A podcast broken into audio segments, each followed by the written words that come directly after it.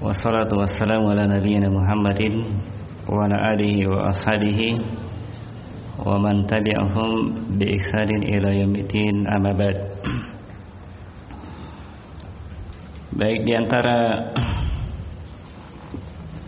adab dalam menuntut ilmu pada diri seorang hamba berikutnya adalah mulazamatu khasyatillah taala. Senantiasa takut kepada Allah Subhanahu wa taala. Berkata Syekh Bakar Abu Zaid At-tahalli bi imarati zahir wal batin bi khasyatillah ta'ala. Muhati berhias dengan amalan-amalan yang nampak yang tidak nampak.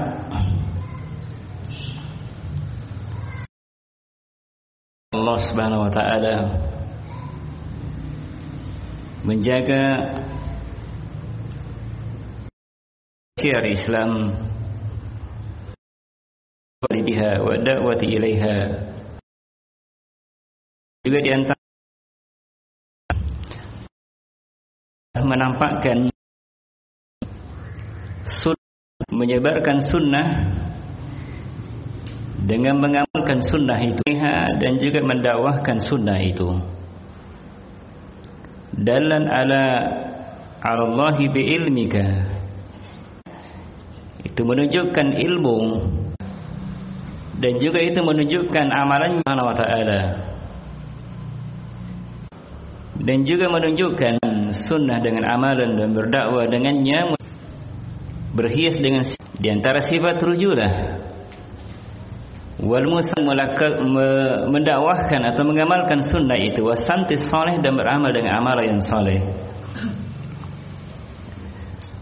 kemudian Syekh Bakar Abu Zaid mengatakan wa milaku wa milaku dzalika khasyatullah taala dan pangkal dari semua itu adalah khasyah kepada Allah Subhanahu wa taala. Jadi pangkal seluruhnya adalah adanya takut kepada Allah Subhanahu wa taala dengan takutnya dia kepada Allah maka dia akan mengamalkan sunnah itu, dia akan mendakwahkan sunnah itu. Maka oleh kerana itu walihada qala Imam Ahmad maka oleh kerana itu Imam Ahmad mengatakan aslul ilmi khasyatullah taala asal atau pondasi ilmu itu adalah takutnya seseorang kepada Allah Subhanahu wa taala.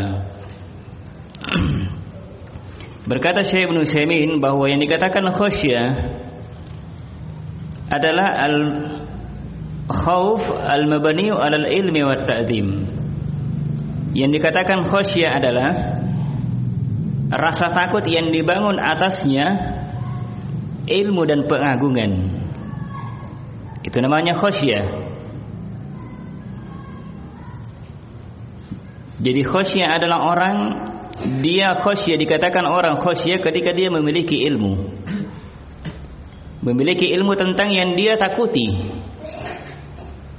Jadi ketika misalnya dia takut kepada Allah Subhanahu wa taala, dia memiliki ilmu tentang Allah Subhanahu wa taala. Dia mengagungkan Allah Subhanahu wa taala dan pengagungan yang sesuai dengan kemuliaan Allah Subhanahu wa taala. Itu yang dikatakan dengan khasyah makanya Allah Subhanahu wa taala dalam Al-Qur'an dikatakan innama yakhshallaha min ibadihi al-ulama.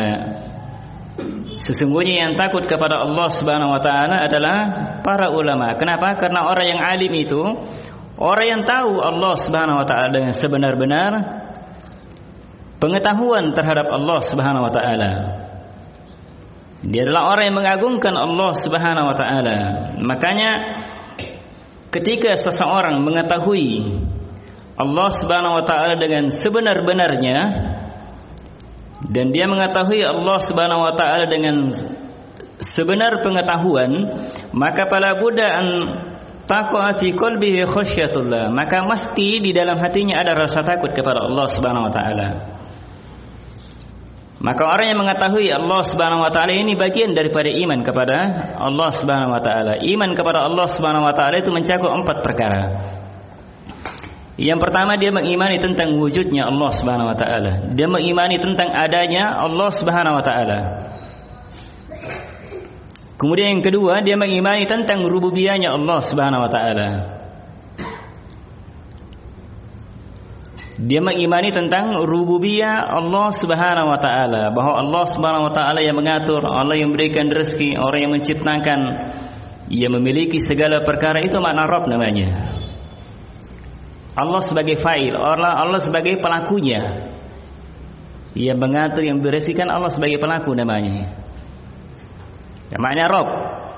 Kemudian yang ketiga di antara makna bentuk keimanan kepada Allah Subhanahu wa taala al-imanu bi uluhiyatillah, mengimani tentang uluhiyahnya Allah Subhanahu wa taala. Mengimani bahawa Allah Subhanahu wa taala semata-mata dia semata-mata yang berhak disembah tidak ada selain daripada dia. Kemudian di antara bentuk keimanan kepada Allah Subhanahu wa taala yang keempat adalah mengimani al-imanu bi asma'ihi wa sifatihi. Mengimani tentang nama dan sifat-sifat Allah Subhanahu wa taala. Kalau ini diketahui dengan keempatnya ini, maka dia mengenal Allah Subhanahu wa taala dianggap dia mengenal Allah Subhanahu wa taala dengan sebenar-benar pengetahuan terhadap Allah Subhanahu wa taala. Orang seperti inilah yang kemudian akan timbul, akan muncul di dalam hatinya khasyah kepada Allah Subhanahu wa taala. Makanya dikatakan al ulama innama yakhshallaha min ibadihi al ulama. Sesungguhnya orang yang takut kepada Allah Subhanahu wa taala mereka adalah para ulama, orang yang berilmu. Maka di antara sebagian ulama juga ada yang membedakan apa bedanya antara khasyah dengan khauf. Tadi sudah dijelaskan bahwa khasyah itu adalah dibangun di atas di atasnya adalah ilmu dan ta'zim. Kalau khauf tidak, belum tentu. Dia hanya takut, mungkin dia takut kepada seseorang tapi dia dia, dia tidak tahu orang itu. Mungkin hanya karena badannya saja besar sehingga dia takut kepada takut kepadanya. Makanya tidak semua orang takut kepada orang yang besar badannya tidak semua. Jadi khauf itu tidak dibangun di atas ilmu dan pengagungan. Itu bedanya. Kalau khosya dia dibangun di atas ilmu dan pengagungan terhadap sesuatu yang ditakuti. Itulah yang dikatakan khosya. Yang dikatakan khosya. Jadi kesimpulannya bahawa Syekh Utsaimin katakan kesimpulannya bahawa khosya itu lebih besar kedudukannya dibandingkan dengan takut. Dibandingkan dengan takut. Walaupun di dalam Al-Quran dikatakan Imran fala takhafuhum wa khafuni in kuntum ta'lamun. In kuntum mu'minin. Jangan kalian takut kepada mereka wa khafuni tapi takutlah kepadaku dikatakan khafuni. Bukan dikatakan khasyah tapi khafuni. Jangan kamu takut kepada mereka aku in kuntum mu'minin. Jika kalian memang beriman. Jika kalian memang orang-orang yang yakin di situ Syekh Ibn Saimin katakan bahwa dikatakan di situ khafuni kenapa? Karena itu dari sisi bab balasan. Artinya jangan kamu takut khafu, jangan kamu takut kepada mereka tapi yang sesuai dengannya adalah khafu dengan perkara yang lain. Misalnya dikatakan di mereka. Artinya sebagai bentuk balasan makarnya mereka maka Allah balas makar mereka dengan Allah membuat makar juga. Itu namanya balasan muqabalah namanya. Innahum yakiruna kaidan wa akiru. Mereka membuat tipu daya, maka Allah pun membuat tipu daya terhadap mereka. Bad muqabalah. Kemudian juga nasullaha panasiyahum. Allah Ta'ala, maka Allah pun melupakan mereka. Perbuatan mereka. Makhluknya hambanya itu sesuai dengan memang orang yang berhak untuk mendapatkannya. Makanya terpuji bagi Allah Subhanahu wa taala kalau dia banyak Allah karena Allah membalas makar mereka, membalas tipu daya mereka dan itu terpuji bagi Allah Subhanahu wa taala beda dengan makhluk. Dia balas sesuai tidak sesuai mungkin orang itu tidak berhak mendapatkan. Maka kalau Allah tidak. Makanya disebutkan di dalam Al-Qur'an banyak dalam tentang umat-umat yang terdahulu Allah Subhanahu wa taala binasakan mereka. Para rasul yang diutus kepada mereka. maka Allah pun membinasakan Afa aminu makrallahi fala ya'manu itu merasa aman dari makar Allah Subhanahu wa taala maka tidaklah mereka merasa aman dari makar Allah kecuali mereka adalah orang-orang yang merugi.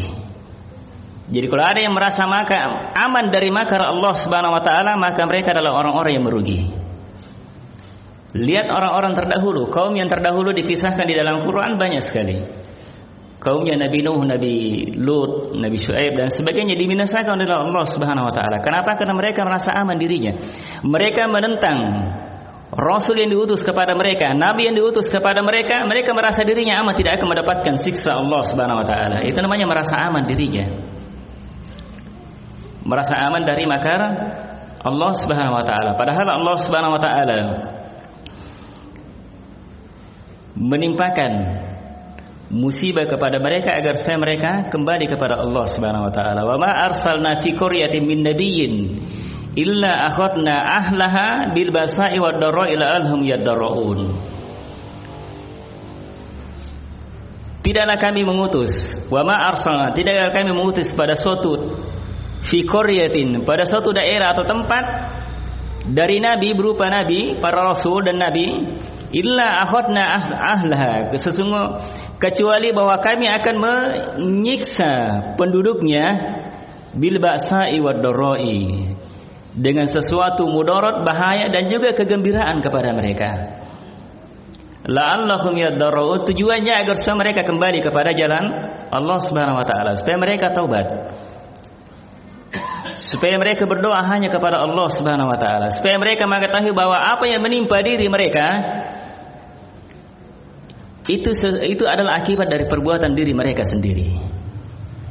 Itu adalah akibat dari perbuatan diri mereka sendiri. Tapi tak kala mereka tidak mau kembali kepada jalan Allah Subhanahu wa taala, maka Allah Subhanahu wa taala tidak menimpakan musibah kepada mereka tapi Allah timpakan mereka Allah Subhanahu wa taala memberikan mereka kepada mereka nikmat. Bukan musibah yang diberikan, tapi ketika mereka merasa dirinya aman, mereka melakukan maksiat dosa dan sebagainya. Merasa dirinya aman dari siksa Allah Subhanahu wa taala mereka tidak mau kembali ke jalan Allah Subhanahu wa taala. Justru Allah Subhanahu wa taala memberikan nikmat kepada mereka. Dan itulah yang dikatakan makar Allah Subhanahu wa taala. Summa baddalna as-sayyi'ata al-hasanata hatta afau kemudian kami mengganti kejelekan itu dengan al-hasanah dengan kebaikan. Diganti dengan nikmat Allah Subhanahu wa taala. Diganti dengan nikmat sampai kemudian mereka mengatakan wa qalu qad massana qad massanna aba'ana as-sarra'u wad-dharra sungguh timpa nenek moyang kami bahaya musibah dan sebagainya dan juga kesenangan. Dan itu yang dikatakan Subhanahu wa taala. Hati-hati. Kalau seseorang melakukan maksiat dan sebagainya justru semakin bertambah nikmat Allah Subhanahu wa taala kepadanya, maka hati-hati bahwa itu adalah makar Allah Subhanahu wa taala. Itu adalah makar Allah Subhanahu wa taala. Baik, kembali kepada semula itu uh, khasyah dan khauf. Pertama khasyat Allah fi sirri wal alan. Fa illa alibun maka tetaplah takut kepada Allah Subhanahu wa taala. Apakah itu dalam keadaan sembunyi-sembunyi atau dalam keadaan terang-terangan? Fa inna khairal bariyah karena sesungguhnya manusia yang paling baiknya adalah orang taala. Wa ma yakhshahu illa alimun dan tidak ada yang takut khasyah memiliki rasa yang punya ilmu. Idzan fa khairul bariyah huwal alim maka aliman illa idza kana amilan. Dan tidak hilang dari ingatan bahwa alim itu tidak dianggap dia seorang alim beramal dengan ilmunya. Kecuali jika dia beramal dengan ilmunya. Wala ya'mulul amilu bi ilmihi illa idza kana lazimat hu khasyatullah. Memiliki dia senantiasa memiliki rasa khasyah kepada Allah Subhanahu wa taala dia tidak dia dikatakan alim kecuali jika dia mengamalkan ilmunya. Tapi tidaklah seorang alim dia mengamalkan ilmu, mengamalkan ilmunya kecuali ketika dia senantiasa Allah Subhanahu wa taala. Maka Syekh Ibn Saimin katakan bahawa la yu'addu aliman tidak dianggap dia seorang alim yaitu aliman rabbaniyan. Artinya tidak dianggap dia seorang alim rabbani. Kenapa? Karena alim rabbani itu adalah seorang alim yang mendidik yurabbi nafsahu. Dia mendidik dirinya dulu. Dia sendiri kemudian yurabbi ghairahu thaniyan. Kemudian yang kedua dia, dia mendidik orang lain. Itu dikatakan alim yang rabbani. Jadi tidak dianggap dia alim rabbani. Tidak dianggap dia alim kecuali dia mengamalkan ilmunya. Yang dimaksud dengannya alim rabbani di situ. Kemudian Syekh Bakar Abu Zaid mengatakan bahawa wa asnad al-Khatibul Baghdadi rahimahullah taala bi sanadin fihi latifatu isnadiyah biriwayatin aba'i tis'atin faqala akhbarana Abul Fars Abul Farat Abdullah Abdul Wahab ibn Abdul Aziz Ibn Al-Haris Ibn Asad Ibn Al-Lays Ibn Sulaiman bin Aswad Ibn Sufyan bin Zaid bin Uqaidah Ibn Abdullah At-Tamimi min hibzihi Kemudian Al-Khatib Al-Baghdadi menyebutkan sanad dengan sanad yang yang latifah, yang bagus dengan riwayat Aba Tis'in. Dalam riwayat ini ada sembilan ucapan dikatakan Abi. Dikatakan Abi. Makanya dikatakan Abdullah At-Tamimi min hibri qala sabitu Abi. Yaqulu sabitu Abi dan seterusnya sampai sembilan kali. Sampai di akhirnya sami'tu Ali bin Abi Talib yaqul hatafal ilmu bil amali fa in ajabahu wa illa irtahala. Jadi ilmu itu akan terpuji disebabkan karena diamalkan. Ilmu itu akan terpuji karena diamalkan. Fa in ajabahu jika dia mengamalkan ilmunya wa illa jika dia tidak mengamalkan ilmu ilmunya maka irtahala maka akan menjadi hilang ilmu itu akan menjadi hilang ilmu itu wa hadzal ladzu binahwihi marwiyun an sufyan as-suri rahimahullah taala. Lafaz ini diriwayatkan dari sufyan as-suri rahimahullah taala. Jadi Syekh Ibn Sa'id mengatakan bahawa la budda minal amali bima alima. Maka seseorang dia harus mengamalkan apa yang telah dia ketahui.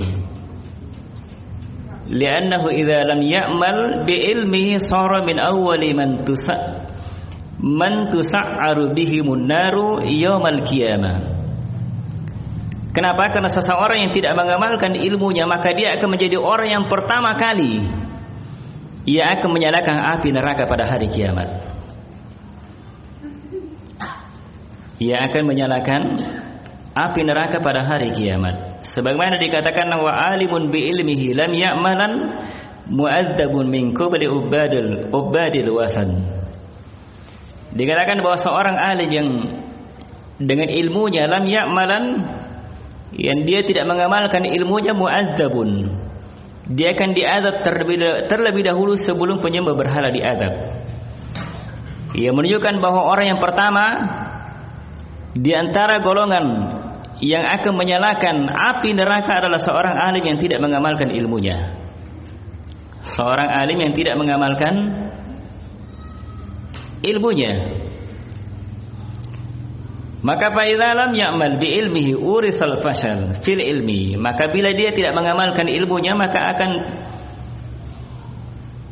terwariskan pada dirinya kegagalan di dalam ilmu itu akan hilang berkah dari ilmu itu bahkan mungkin bisa jadi dia akan melupakan ilmu yang dia miliki kalau itu tidak diamalkan ilmu yang dia miliki sama saja ketika seseorang dia sudah belajar misalnya tentang sifat salat Nabi ketika dia sudah pelajari sifat salat Nabi tapi dia tidak salat maka mungkin suatu saat nanti ilmu yang dia miliki itu akan menjadi hilang tapi ketika dia sudah mempelajari sifat salat Nabi misalnya, kemudian dia salat dia akan selalu ingat. Oh, kalau orang sholat, oh takbiratul ihram dulu misalnya. Setelah itu baru kemudian membaca Al-Fatihah. Setelah itu membaca surah, dia akan ingat selalu itu. Kenapa? Karena dia amalkan, selalu dia lakukan setiap hari. Selalu dia lakukan setiap hari. Bahkan orang yang seperti ini juga akan semakin bertambah hidayah dan takwanya dia kepada Allah Subhanahu wa taala dengan dia amalkan ilmunya. Dari firman Allah Subhanahu wa taala, "Walladzina tadaw zadahum huda." Dan orang-orang yang ihtadaw yang mendapatkan hidayah itu, zadahum huda, huda, maka Allah Subhanahu wa taala akan semakin menambah hidayah kepada dia. Wa atahum taqwahum bahkan Allah Subhanahu wa taala akan semakin menambah mendatangkan kepada mereka taqwahum takwa kepada mereka. Artinya Allah Subhanahu wa taala akan semakin menambah ketakwaannya dia kepada Allah Subhanahu wa taala karena dia mengamalkan ilmu yang dia miliki. Kenapa? Karena dia mengamalkan ilmu yang dia miliki. Yaitu di antara adab bagi seorang penuntut ilmu adalah senantiasa tersimpan dalam hatinya rasa khasyah kepada Allah Subhanahu wa taala. Rasa khasyah kepada Allah Subhanahu wa taala. Jadi seorang tidak akan mungkin dia mengamalkan ilmunya kecuali ada dalam dirinya khasyah kepada Allah Subhanahu wa taala. Kemudian berikutnya di antara adab di dalam menuntut ilmu adalah dawamul muraqabah. Adalah senantiasa muraqabah, mendekatkan diri kepada Allah Subhanahu wa taala. Berkata Syekh Bakar Abu Zaid, "At-tahalli bidawamil muraqabati lillah." Fi sirri wal alan sa'iran ila rabbika bainal khawfi war raja. Fa innahuma lil muslim kal janahaini lit ta'ir. Berhiaslah dengan senantiasa mendekatkan diri kepada Allah Subhanahu wa taala, muraqabah kepada Allah Subhanahu wa taala. Apakah itu dalam keadaan? Sembunyi atau dalam keadaan terang-terangan sa'iran ila rabbika bainal khawfi war raja. Dia mendekatkan diri secara menyeluruh kepada Rabb Allah Subhanahu wa taala antara khauf dan raja antara rasa takut dan juga rojaknya dia kepada Allah Subhanahu wa taala. Fa innahuma lil muslim kal janahain. Kenapa? Karena keduanya antara khauf dan roja itu bagi seorang muslim seperti dua sayap burung. Kalau sayap burung satu tidak ada, tidak mungkin dia bisa terbang. Kalau hanya satu saja, tidak mungkin. Jadi harus ada dua-duanya. Antara khawb dan roja itu baru burung itu bisa terbang. Baru bisa terbang. Kemudian fa'akbil ala Allahi bikulliyatih waliyantali qalbuka bimahabbatihi. Maka oleh kerana itulah hadapkanlah menghadaplah kalian kepada Allah Subhanahu wa taala bikulliyatik secara keseluruhan. Waliyantali qalbuka maka hendaknya penuhilah hati-hati kalian dengan cinta kepada Allah Subhanahu wa taala walisanuka bidzikrihi dan penuhilah lisan kalian dengan berzikir mengingat Allah Subhanahu wa taala.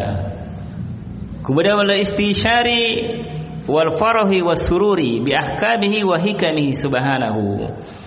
Dan juga dengan penuhilah diri kalian hadapkanlah diri kalian kepada Allah Subhanahu wa taala dengan kegembiraan. Bergembira dengan hukum-hukum Allah Subhanahu wa taala, bergembira melaksanakan hukum Allah Subhanahu wa taala dan hikmah Allah Subhanahu wa taala. Maka berkata Syekh Ibnu Utsaimin rahimahullah taala, "Inna min samarati khasyatillahi dawamul muraqabatillah." Di antara buah seseorang takut kepada Allah Subhanahu wa taala dia akan senantiasa mendekatkan dirinya kepada Allah Subhanahu wa taala. Jadi dia muraqabah jadi orang yang dikatakan muraqabah adalah ayyabullah ka'annahu yarahu jadi orang yang muraqabah itu yang ada dalam dirinya sifat muraqabah mendekatkan diri kepada Allah Subhanahu wa taala jika dia menyembah kepada Allah seakan-akan dia melihat Allah Subhanahu wa taala. Ini termasuk di antara makna ihsan. Makna ihsan. Ya, dia menyembah kepada Allah Subhanahu wa taala seakan-akan dia melihat Allah Subhanahu wa taala. Yaqumu lis-shalah wa yatawaddu intisaran liqoulihi ta'ala. Jadi dia berdiri untuk melaksanakan salat. Kemudian dia berwudu dalam rangka intisal, dalam rangka melaksanakan firman Allah Subhanahu wa taala ya ayyuhalladzina amanu idza kuntum ila sholati faghsilu wujuhakum. Ini namanya senantiasa muraqabah. Ketika dia ingin salat, dia berwudu, dia mengingat ayat Allah Subhanahu wa taala. Oh, saya diperintah wahai orang-orang yang beriman, jika kalian ingin melaksanakan salat, mendirikan salat maka cucilah wajah-wajah kalian dan seterusnya dari lanjutan ayat itu. Lanjutan ayat itu. Begitu pula ketika dia berwudu. Dia seakan-akan melihat Rasulullah sallallahu alaihi wasallam. Dia seakan-akan melihat Rasulullah sallallahu alaihi wasallam berwudu dari sabda Rasulullah sallallahu alaihi wasallam doa nahwa wudu'i hadza dan seterusnya. Siapa yang berwudu seperti wuduku ini dan seterusnya. Jadi dia mengingat Allah Subhanahu wa taala. Senantiasa muraqabah mendekatkan diri kepada Allah Subhanahu wa taala dengan mengingat Allah Subhanahu wa taala. Jadi khasyah adalah merupakan artinya muraqabah adalah merupakan buah daripada rasa takutnya seseorang di dalam hatinya. Ketika dia memiliki rasa takut, maka akan dia senantiasa mendekatkan dirinya kepada Allah Subhanahu wa taala secara seluruhnya, secara keseluruhan dari sisi kehidupannya. Dalam keadaan dia apa saja. Dalam keadaan dia di tempat kerjanya, di kantor ataukah dia di pasar dan sebagainya, dia senantiasa mengingat kepada Allah Subhanahu wa taala, mendekatkan dirinya. Jadi seluruh amalannya bernilai ibadah kepada Allah Subhanahu wa taala. Bernilai ibadah kepada Allah Subhanahu wa taala. Dia senantiasa mengingat kepada Allah Subhanahu wa taala. Sa'iran ila rabbika bainal khawfi war raja. Jadi seluruhnya muraqabahnya itu kepada Allah Subhanahu wa taala antara khauf dan raja. Antara khauf dan rajanya. Antara dia sifat khaufnya dan rojaknya kepada Allah Subhanahu wa taala. Ini adalah perkara yang harus dimiliki oleh seseorang. Bukan hanya sekedar mengharap kepada Allah Subhanahu wa taala atau mungkin juga bukan hanya sekedar takut kepada Allah Subhanahu wa taala saja. Jadi ketika seseorang memiliki rasa takut yang berlebihan maka itu akan bisa terjadi seperti orang-orang Khawarij jadi ketika orang Khawarij melakukan dosa besar saja dia anggap itu pelakunya kekal di dalam neraka karena terlalu tinggi rasa khaufnya tanpa rasa harapan kepada Allah Subhanahu wa taala. Tanpa rasa harapannya dia kepada Allah Subhanahu wa taala. Tapi orang juga yang berlebihan rasa harapannya itu akan mengakibatkan dirinya apa namanya? terlalu berlebihan menjadi orang-orang yang murjiah harapannya terlalu berlebihan kepada Allah Subhanahu wa taala. Jadi kedua-duanya harus seimbang di dalam diri seseorang. Jadi kenapa bisa terjadi di tengah manusia? Ada kadang-kadang orang yang apa? stres atau mungkin ada orang yang gila. Kenapa di dalam dirinya tidak seimbang antara rasa takutnya dia dengan rasa rojaknya dia, harapannya dia kepada Allah Subhanahu wa taala? Kenapa ada orang yang kadang bunuh diri disebabkan karena harapan dia. Mungkin rasa harapan dia tidak ada terhadap Allah Subhanahu wa taala. Makanya kalau orang tidak memiliki rasa harapan itu akan menjadi orang yang orang-orang yang merugi. Orang yang merugi putus asa dari rahmat Allah Subhanahu wa taala. Putus asa dari rahmat Allah Subhanahu wa taala. Wa may yaqnatu min rahmatillah illal illad dalun tidak ada yang merasa putus asa dari rahmat Allah Subhanahu wa taala kecuali dia akan menjadi orang yang sesat. Kecuali dia akan menjadi orang yang menyimpang ketika rasa harapannya dia tidak ada. Putus asa dari rahmat Allah Subhanahu wa taala. Rahmat Allah Subhanahu wa taala. Makanya ini Dari ayat ini menunjukkan kepada kita bahwa roja itu harus ada dalam diri seseorang. Harapan itu harus ada dalam diri seorang hamba. Begitu pula takutnya dia kepada Allah Subhanahu wa taala. Kemudian juga Syekh Ibnu Sa'ibin dikatakan bahwa ada permasalahan dia ungkapkan di sini hal aula lil insani ay yasira ila Allah bainal khawfi war raja yang mana yang lebih utama bagi manusia ay yasira ila Allah ketika dia berjalan kepada Allah Subhanahu wa taala ketika dia beribadah kepada Allah Subhanahu wa taala di antara khauf dan roja yang mana yang lebih utama? Oh yughalliba janibal khawfi oh yughalliba janibal roja apakah harus lebih dominan rasa khaufnya atau dominan raja rojanya kepada Allah Subhanahu wa taala? Maka Syekh Ibnu Saimin katakan berkata dia katakan berkata Imam Ahmad rahimahullah taala yang bagi ayyakuna khaufuhu wa rajauhu wahidan. Fa ayyuhuma ghalaba halaka sahibuhu. Imam Ahmad mengatakan bahwa sepantasnya khauf dan roja itu wahid. Satu saja. Artinya sama berbarengan antara khauf dan roja pada diri seseorang. Harus sama antara khauf dan rojanya. Kapan salah satu dari keduanya lebih dominan maka dia akan menjadi binasa seperti tadi orang yang mungkin rasa harapannya apa? Tidak ada misalnya, maka dia akan menjadi stres atau gila dan sebagainya. Bahkan bisa terjadi bunuh diri. Itu pernah terjadi di ini kejadian di Cendrawasih dekat Pasar Senggol. Di situ ada Masjid Quraisy. Ada yang tahu Masjid Quraisy? Yang dulu Ustaz Ustaz Ustaz di kita sering ngisi di situ, tapi sekarang sudah di di cancel. Ketua pengurusnya, ketua pengurus masjid Pak Muhsin namanya. Saya masih ingat kalau saya pergi di situ misi Jumat, dia selalu jemput belum masuk dia menjemput. Kelihatannya orangnya bagus.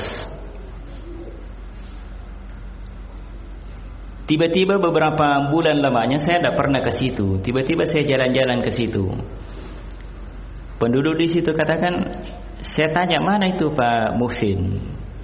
Dia katakan, ih, tidak tahu kejadiannya. Sebenarnya saya tidak tahu. Sudah dua dua pekan setelah kejadian baru saya ke situ. Setelah saya tiba di sana, saya diceritakan bahwa dia di rumahnya hari Jumat sudah pakai baju koko, baju sarung, sarung. Ketika orang sholat Jumat dia tanya-tanya mana ini Pak Ketua ini Pak Muhsin. Ketika selesai sholat Jumat juga tidak ada. Ternyata dicari dia ada di rumahnya di lantai dua dalam keadaan dia gantung dirinya. Bunuh diri. Mungkin kita tidak tahu, orang-orang di sana juga tidak tahu apa permasalahannya. Mungkin dia memiliki banyak masalah tapi dia tidak pernah bilang.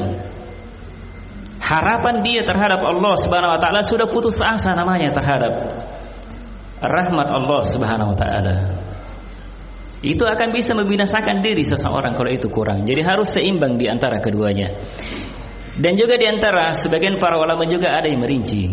Dikatakan oleh Syekh Muhammad bahwa sebagian para ulama ada yang merinci dia katakan bahwa idza hamamta bi ta'atin jika engkau ihtimam engkau melakukan kebaikan ketaatan faqallid janibar raja maka hendaknya rasa harapan di situ lebih lebih nampak pada diri kalian.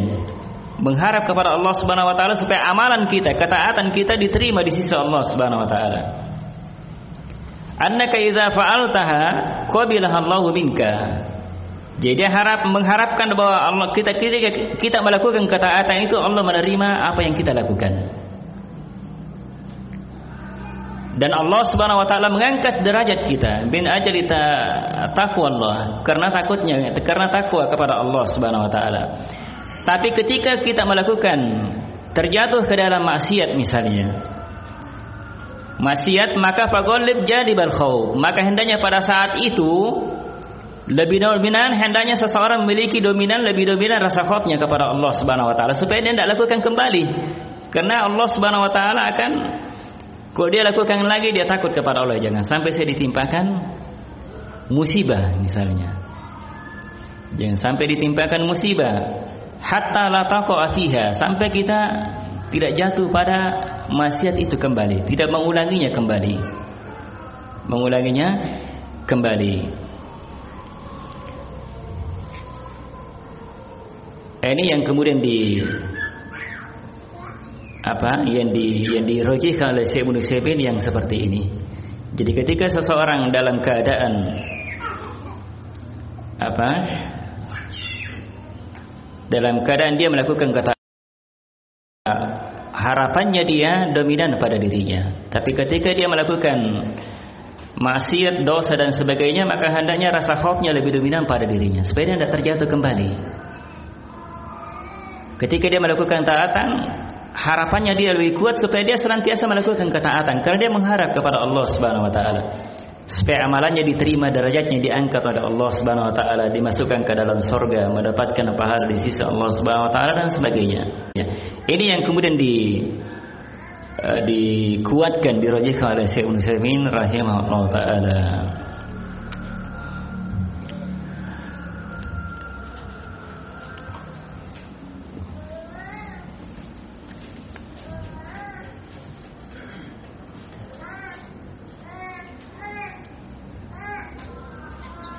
Ini yang dikuatkan secara secara umum seperti itu. Ini apa namanya? Di antara adab dalam menuntut ilmu, menuntut ilmu adalah senantiasa muraqabah kepada Allah Subhanahu wa taala. Buah dari khasyanya risi.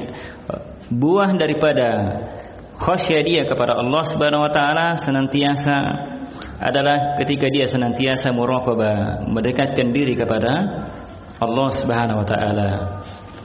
Kemudian berikutnya di antara adat di dalam menuntut ilmu adalah khafdul janah wa nabdul khuyala wal kibriya.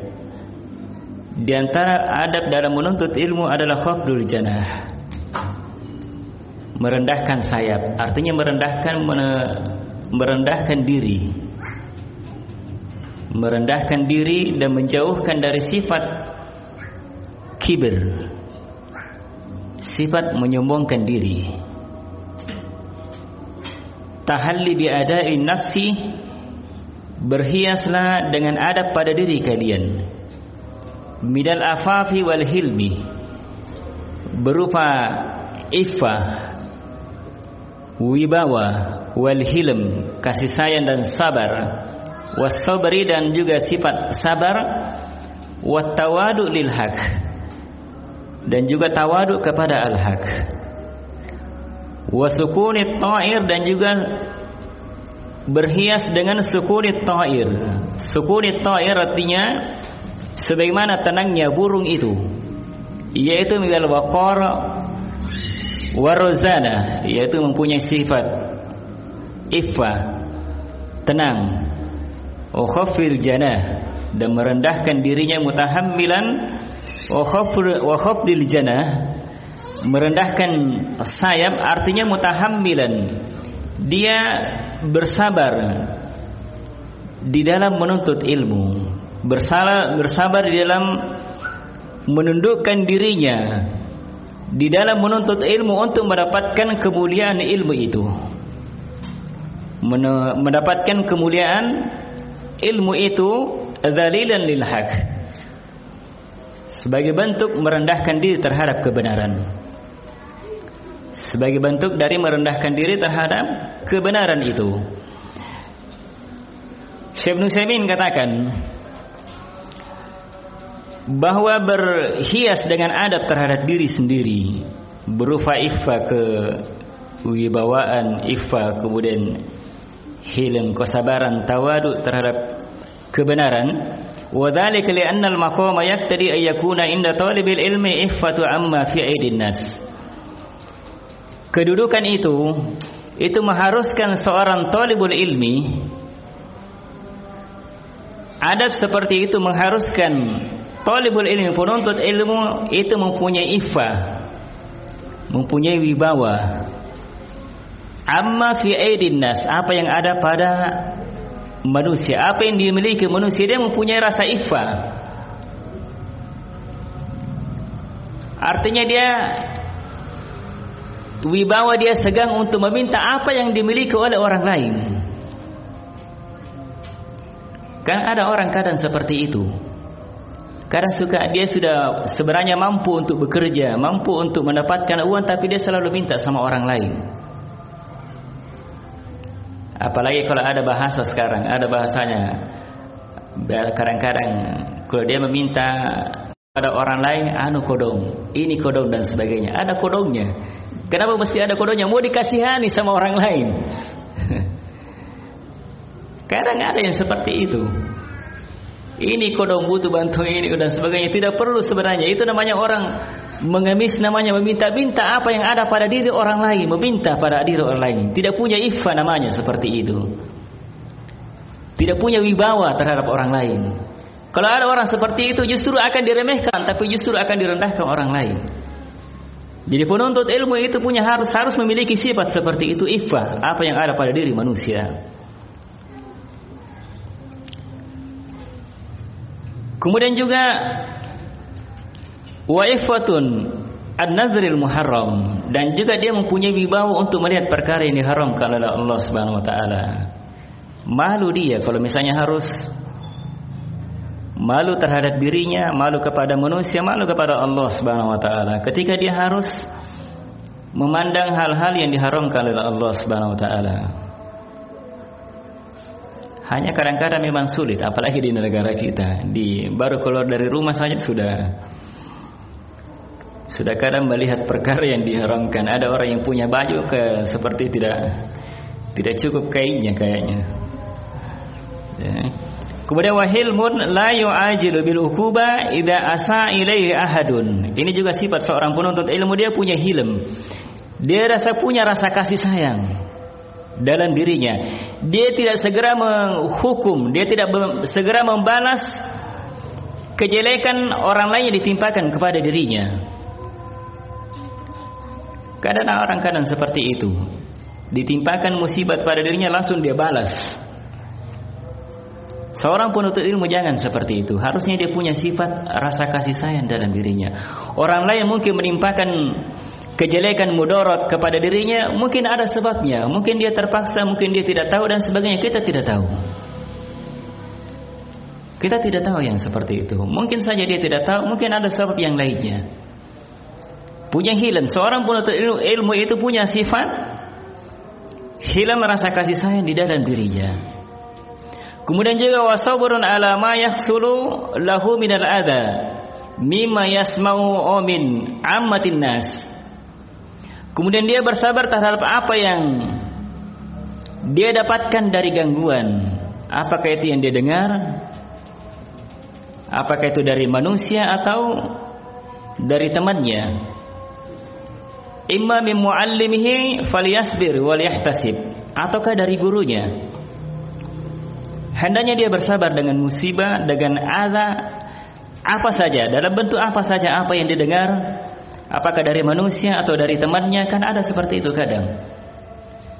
Apalagi orang yang menuntut ilmu, orang yang melaksanakan sunnah, ya mungkin hampir tidak ada yang lepas dari gangguan dari orang lain.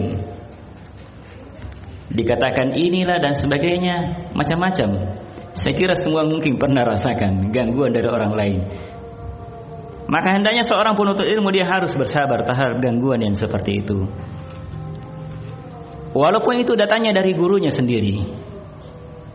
Kadang ada seperti itu. Ada kejadian di di pondok seperti itu. Ada anak guru, dia mengajar.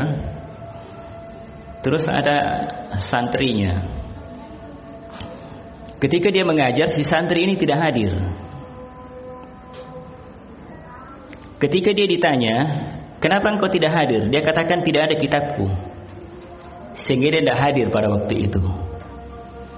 Terus si guru mengatakan, Jangan suruh masuk lagi dia besok belajar sama saya. Itu kan termasuk namanya azab, gangguan mudarat terhadap dia. Padahal guru ini mungkin dia ucapkan seperti itu supaya dia mengambil pelajaran supaya tidak begitu lagi. Tapi ini mungkin karena baper, terlalu berperasaan tidak masuk betul belajar, tidak masuk belajar sampai sekarang seingat saya. Kalau guru ini mengajar dia tidak masuk belajar. Kalau begini kan yang rugi siapa? Dia sendiri yang rugi, tidak dapat ilmu. Ada yang terjadi seperti itu. Tidak perlu saya sebutkan di mana tempatnya. Yang jelas kejadiannya betul seperti itu. Sampai sekarang. Kalau si guru ini mengatakan datang mengajar dia tidak mau masuk belajar. Padahal dia datang dari daerah yang jauh. Datang ke situ untuk belajar. Tujuannya untuk belajar. Tapi dia tidak belajar. Saya katakan kepada orang ini, saya bilang kalau saya mau tersinggung dengan ucapan seperti itu, saya mungkin orang yang pertama yang tersinggung. Tapi saya tidak begitu ya, sudah belajar saja, biarkan saja. Tapi ada orang seperti itu, terlalu mungkin terlalu berperasaan juga, terlalu digunakan perasaannya, sehingga tidak mau lagi. Ada juga yang seperti itu. Di antara yang saya ketahui ada orang yang belajar di antara akhwat ada seperti itu. Dia gabung dia dia masukkan masalah pribadi kepada masalah ilmu. Dia tersinggung karena masalah pribadinya dan sebagainya. Tapi dia tidak mau datang lagi belajar. Sekarang yang rugi siapa kalau seperti itu? Kalau bukan dia. Maka hendaknya seorang boleh ilmu tidak seperti itu mestinya. Dia harus bersabar. Dia harus bersabar. Begitu pula tawadu lil haq. Kemudian itulah dia tawadu terhadap kebenaran. Jadi kalau ada yang mengucapkan kebenaran kepada dia walaupun umurnya lebih muda daripada dia, ia namanya tawadu dia terima kalau itu benar. Jangan mentang-mentang saya kan lebih tua daripada dia, wah saya tidak mau belajar sama dia deh. Itu tidak seperti itu penuntut ilmu. Penuntut ilmu orang harus tawadu terhadap kebenaran. Artinya saya bisa mengatakan mata bana lahul haq.